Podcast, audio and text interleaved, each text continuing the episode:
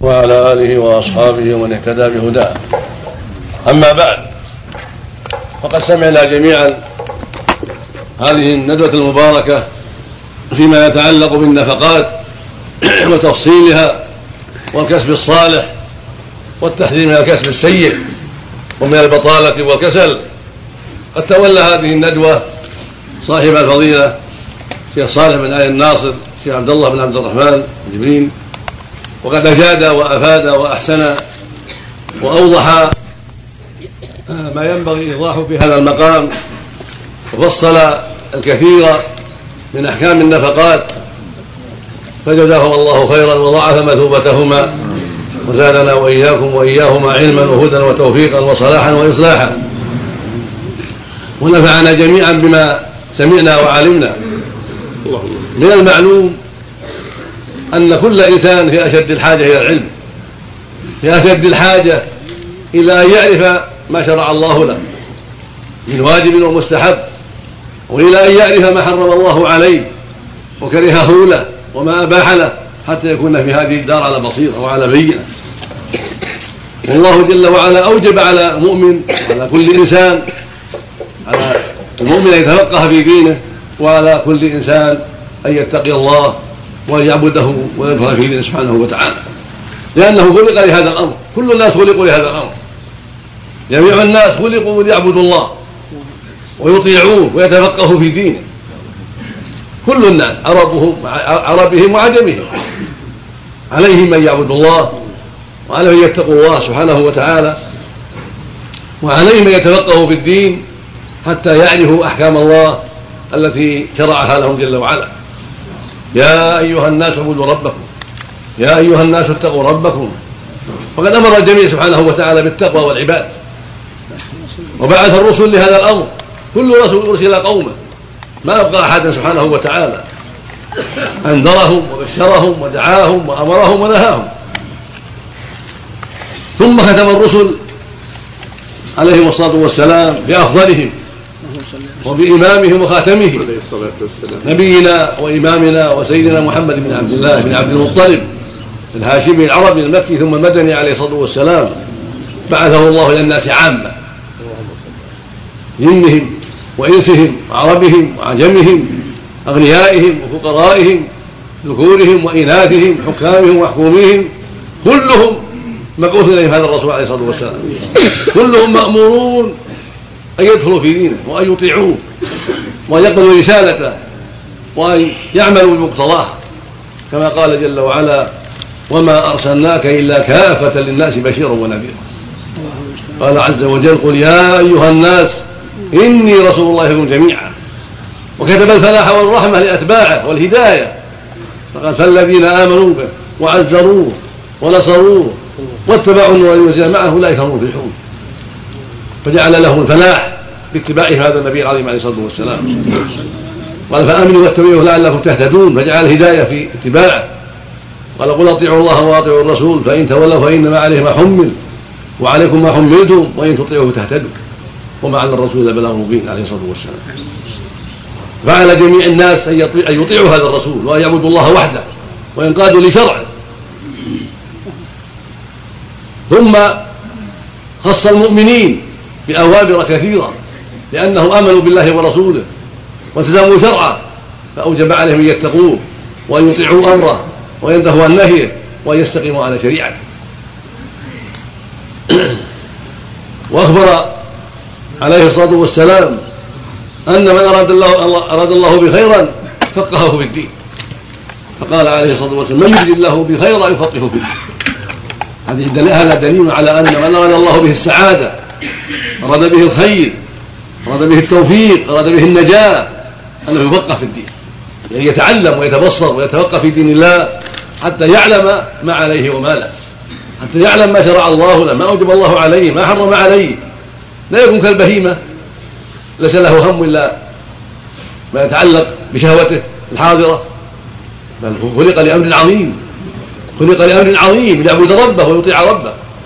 كيف يطيع ربه؟ كيف يطيع ربه ولا يتعلم؟ كيف يعبد ربه؟ كيف يعبد بشيء لا يعلمه؟ وهو بحاجة بل في ضرورة إلى أن يعرف ماذا يعبد به ربه من أعمال وأقوال. ولهذا قال, عليه الصلاة والسلام من سلك طريقا يلتمس فيه علما سهل الله له به طريق الجنه وقال من يرد الله به خيرا يفقهه في الدين. ومن ذلك أمر النفقات. فالنفقات من أمر الدين. فعلى المؤمن يتعلم يتفقه ماذا يجب عليه زوجته ولأولاده وقراباته ولضيفه ولمملوكه من بني آدم ومن الحيوانات حتى يكون على بينة على بصيرة؟ وقد أوضح الشيخان لكم أيها المستمعون الشيء الكثير من هذه الأحكام فيما يتعلق بالزوجات والأولاد والآباء والأمهات وبقية الأقارب. وذكروا لكم أو ذكر لكم أيضا ما يتعلق بالكسب. والله جل وعلا شرع لنا الكسب. وأمر بالكسب. وكره البطالة والتعطل من العمل. وكره المسألة أيضا إلا من عاجز مضطر. يقول سبحانه هو الذي جعل الأرض ذلولا فامشوا في مناكب في مناكبها وكلوا من رزق فجعل ذلولا مهيئة ممهدة مسهلة مذللة لكم. تمشي عليها على أقدامك وعلى مركوباتك من دواب وغيرها تطلب الرزق. فهي مذللة. تمشي في مناكبها طلب الرزق. تسافر على قدميك على سيارتك على دابتك تطلب الرزق. احتشاش احتطاب صيد تجارة إلى غير ذلك. وبين سبحانه وتعالى أن بعض العباد يضربون في الأرض يبتغون فضل الله. وآخرون مرضى وآخرون يقاتلون. كل ذلك يبين لعباده أن عليهم ان يتصرفوا ويعملوا فإذا قضيت الصلاة فانتشروا في الأرض وابتغوا من فضل الله طلب الرزق. والنبي عليه الصلاة والسلام قال لما سئل أي كسب أطيب؟ قال عمل الرجل بيده. وكل بيع مبرور. فعمل الرجل بيده من أطيب الكسب. يكون نجار هراز حداد زراع إلى غير ذلك. وقال عليه الصلاة والسلام فيما رواه البخاري في الصحيح ما أكل أحد طعاما أفضل من أن يأكل من عمل يده وكان نبي الله داود يأكل من عمل يده عليه الصلاة والسلام. وهكذا الأنبياء يأكل من عمل أيديهم. كان نوح نجارا وكان زكريا نجارا يعملان ويكدحان. كان داود أيضا حدادا يصنع الدروع ويأكل من ثمنها. هكذا بقية الصنائع خياط كاتب إلى غير هذا مما يحتاجه الناس ويترتب عليه الرزق وهكذا التجارة وهكذا الزراعة وهكذا أنواع المكاسب المباحة حتى يستغني الإنسان عن الحاجة إلى الناس. أما السؤال هو شر إلا عند الضرورة. وما قال قاله الله سبحانه وتعالى في السائل وفي اموالهم حق للسائل والمحروم هذا السائل محتاج. أما السائل الذي قد له الله ليس له يسأل. بل هو ظالم لنفسه في السؤال. إلا إذا عجز بمرض أو نقض خلقة أو عدم وجود مكاسب فحينئذ يساعده إخوانه ويصله إخوانه ويواسونه حتى يجد مكسبا. أما السؤال فأصله لا خير فيه ذل ومهان. ولهذا قال النبي عليه الصلاة والسلام لا يزال الرجل يسأل الناس حتى يأتي يوم القيامة وليس في وجهه مزعه لحم متفق عليه. وإذا سأل الناس تكثرا وهو إنما يغنيه فقد أتى جريمة نعوذ بالله. قال عليه الصلاة والسلام من سأل الناس تكثرا فإنما يسأل جمرا فليستقل أو ليستكثر رواه مسلم الصحيح. فليسأل وعنده فيغنيه عنده كسب عنده وظيفة عنده عمل. يشهد الناس يشهدهم في الحقيقة النار يشهد النار يعذب بها يوم القيامة نسأل الله العافية. وقال عليه الصلاة والسلام لا ياخذ احدهم حبله فيأتي بحزن من الحطب من الحطب على ظهره فيبيعها فيكف بها وجهه فيقول له من سؤال الناس اعطوه ومنعوه. وقال ليس المسكين بهذا الطواف لترده اللقمة واللقمتان والتمرة والتمرتان. وإنما المسكين الذي لا يجد غنى يغنيه ولا يفطر فيتصدق عليه ولا يقوم فيسأل الناس. هذا المسكين العاجز المتعفف. أما الذي يجد الرزق فهذا ليس بمسكين والطواف إذا كان مضطر فهو مسكين لكن لكن المتعفف أشد مسكنا. وأفضل من أن يعطى وأفضل بان يعطى. من هذا الطواف الطواف يجد حيلة وبعض الناس ليس لهم حيلة. فالمقصود أن المؤمن مهما أمكن يحذر السؤال ويستغني عن السؤال إلا في ثلاث مسائل. بينها النبي صلى الله عليه وسلم. قال يا قبيصة إن مساء لا تحل لأحد ثلاثة رجل تحمل حمالة. دين يصلح بين الناس؟ دين لحاجته ومسكنته؟ قلة أسبابه. وحلت له مساحة يصيبها ثم يمسك. ورجل أصابته جائحة. اجتاحت ماله. سيل ولا غيره. ولا غرض. فحلت له المسألة حتى يصيب قواما من عيش سدادا من عيش يعني شيئا يسد حاله. ورجل أصابته فاقة كان عنده سعة فأصاب فقر وحاجة بأسباب ذلك. فقام ثلاثة من ذوي الحجة من قومه.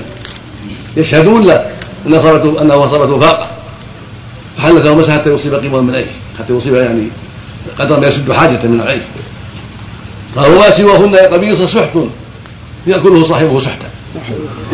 فالمسألة في غير هذه الثلاث مسائل سحت. ومحرم فينبغي المؤمن أن يتوقى ذلك ويحذر السؤال. وقد بايع النبي صلى الله عليه وسلم بعض أصحابه بايعهم صلى الله عليه وسلم ألا يسألوا الناس شيئا. بايعهم بيع عاهدهم عهدا أنهم لا يسألوا الناس شيئا. حتى كان بعضهم تسقط يسقط صوته وهو على دابته فينزل ويأخذ صوته من الأرض. ما يطلب أحد يناوله إياه من كراهة المسألة. فينبغي للمؤمن أن يحرص على كسب وطلب الرزق بالوسائل المباحة التي أباحها الله وأحلها وليحذر السؤال إلا من ضرورة كما بينه النبي عليه الصلاة والسلام. وأما النفقات فقد سمعتم تفصيلها وما بينه شيخان في ذلك والحق والعدالة والحق في مسألة الأقارب أنها واجبة مع القدرة مما من الفضل. ولا تقيد بالميراث كما أوضح لكم الشيخ صالح. هذا هو اعدل الأقوال. أن النفقة للأقارب مع الغنى والسعة فرض للقريب المحتاج العاجز. وأما قوله جل وعلا وعلى ذلك فهذا ليس في النفقة على الصحيح وإنما هو في دفع المضره ليس له يضار لا. الوالد ولا الوالد جميعا. لأن الله قال سبحانه وعلم وولده رزقهن وكسوتهن بالمعروف. لا تكلف نفس إلا وسعها. لا تضار والده بولدها ولا مولود له بولده وعلى مثل ذلك. يعني هذا الوارث ألا يضار. مثل ما أن الأب ليس له المضار. وهو معنى الارث هذا هو الصواب. ولهذا لم يجد في لم لم يقع في الأحاديث الصحيحة اشتراط الارث في في صدقة الأقارب والنفقة على الأقارب. بل بل النبي صلى الله عليه وسلم أوصى بالأقارب وحث على النفقة على الأقارب وهكذا في القرآن بحث النفقة مطلقة. فالأقارب المحتاجون ينفق عليهم من دون شرط الإرث. فلو كان له أخ وله أولاد فهو لا يرث من أجل أولاده البنين. ولكن إذا كان فقير وأولاده فقراء وأخوه مؤسر وعنده فضل وجب عليه ينفق هذا من صلاة الرحم. والله جل وعلا أمر بصلاة الرحم. وتوعد من قطع الرحم. فهل عسيتم؟ إن توليتم أن تسروا وتقطعوا أرحامكم. أولئك الذين لعنهم الله فاصبهم ما ابصارهم قال النبي عليه الصلاة والسلام لا يدخل الجنة قاطع رحم. فقطيعة من كبائر الذنوب. وهل أشد من أن يراه فقيرا عاجزا ولا ينفق عليه. أي قطيعة فوق هذه القطيعة؟ أن يراه أخاه أو عمه أو أباه أو أمه فقراء فقراء ضعفاء عاجزين وعنده مال وعنده سعة وعنده فضل ولا ينفق عليهم هذا من أكبر القطيعة ومن اظهر القطيعة.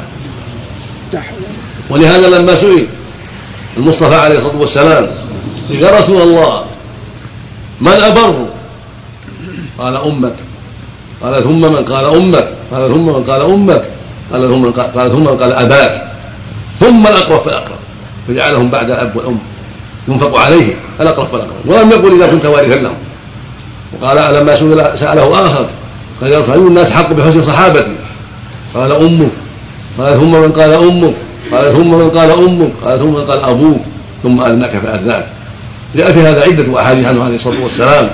تدل على وجوب النفقة على الوالدين والقرابات والأولاد. الأقرب فالأقرب. والزوجة والخادم نفقتهم معلومة معاوضة. على الزوج أن ينفق على زوجته إذا كانت بطاعته وهكذا الخادم أن ينفق عليه ويبيعه. اما ينفق ويقوم بالواجب وإلا يبيعه. حتى يجد من ينفق عليه. المقصود أن الأقارب لهم حق مع السعة مع قدرة المنفق. فاتقوا الله ما استطعتم. ينفق بساعة من ساعته. فهذا كله مع القدرة والأب. وإن كان مثل ما قال الرسول أنت وما في أبيك لكن الأم قدمت عليه الأب له مال الولد عند عند السعة عند وجود ما يغني الولد ليس له يأخذ المال كله. هذا لفظ مقيد. واللفظ الآخر إن اطيب ما من كسبكم وإن أولادكم من كسبكم. فالأب له الأخذ من مال ولده بشرط لا يضره. لأن النبي عليه الصلاة والسلام قال لا ضرر ولا ضرار. فهو ماله لأبيه بشرط أن يبقى للولد ما يقوم بحاجته ويغنيها عن السؤال فيأخذ من ماله ما يحتاجه الوالد وما يريده الوالد بشرط ألا يضر ولده ولا يضر زوجة ولده وعالية ولده. هذا أمر معلوم من قواعد الشريعة. فإذا فإذا دعت الحاجة إلى البداءة بأحدهما فالواجب البداءة بالأم لأن تعبها على الولد وقيامها بالإحسان إليه وصبرها عليه حملا ورضاعا وبعد ذلك شيء كبير فوق الأب ولهذا قدمها الرب جل وعلا وقدمها الرسول صلى الله عليه وسلم في هذا المقام. ثم النفقات بعد ذلك المؤمن يتحرى يتحرى فيها الخير ويتحرى الأنسب فالأنسب فالقريب التقي المؤمن غير التقي غير القريب الفاجر فيلاحظ هذه المسائل ويحرص على البداءة فالأقرب بالأقرب من الأخيار والصلحاء قبل الفجار والأشقياء الذين عندهم من الفساد ما عندهم حتى يستعينوا بالمال على المعاصي. وكذلك ما يتعلق بالزوجات ونفقات الزوجات. سمعتم ما ذكره الشيخان واعدل ما قيل في هذا أن النفقة للزوجات تتعلق بالمعروف بالمتعارف. الناس يختلفون في هذا.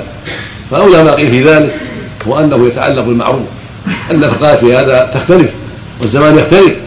فالنفقات يفرضها القاضي بين المتنازعين بحسب العرف عرف البلاد والمدينة والقرية والباديه فالناس أقسام في البوادي في القرى الضعيفة والهجره الضعيفة وفي المدن. فالقاضي ينظر ويسأل أهل الخبرة عن حال هؤلاء الزوجين ومن كان في ممكن من جنسهما وفي بلادهما. فيفرض لهما عند عند إفراد الزوجة عند التنازع ما يليق بالمقام ويناسب العرف في بلدها وقريتها وباديتها ونحو ذلك هذا عند الحاجة عند الضرورة. أما إذا أصلح الله الزوجين ولم يحتاج إلى الحاكم فإنهما فإنه ينفق عليها حسب ما يسر الله له. لكن هذا عند التنازع وعند الترافع إلى المحاكم فالقاضي ينظر ويتأمل ويسال أهل الخبرة حتى يحكم بما يقتضيه العدل وتقتضيه ويقتضيه العرف الواقع في البلد في القرية. في البادية في أي مكان لأن الناس يختلفون. نفقاتهم في الزمن السابق غير نفقاتهم في الزمن الحاضر. وكل بلد وكل جهة تختلف يكون لها عرف ويكون لها حال. فالقاضي ينظر في هذا الأمر ويتوخى ما يرضي الله ويقرب لديه وما يقارب ويوافق العدالة التي جاء بها الإسلام حتى لا يظلم هذا ولا يظلم هذا ولا يحمل الزوجة ما لا يطيقه وما ليس بالعرف ولا يظلم الزوجة فيبخسها حقها ولكن يتحرى العدل في ذلك.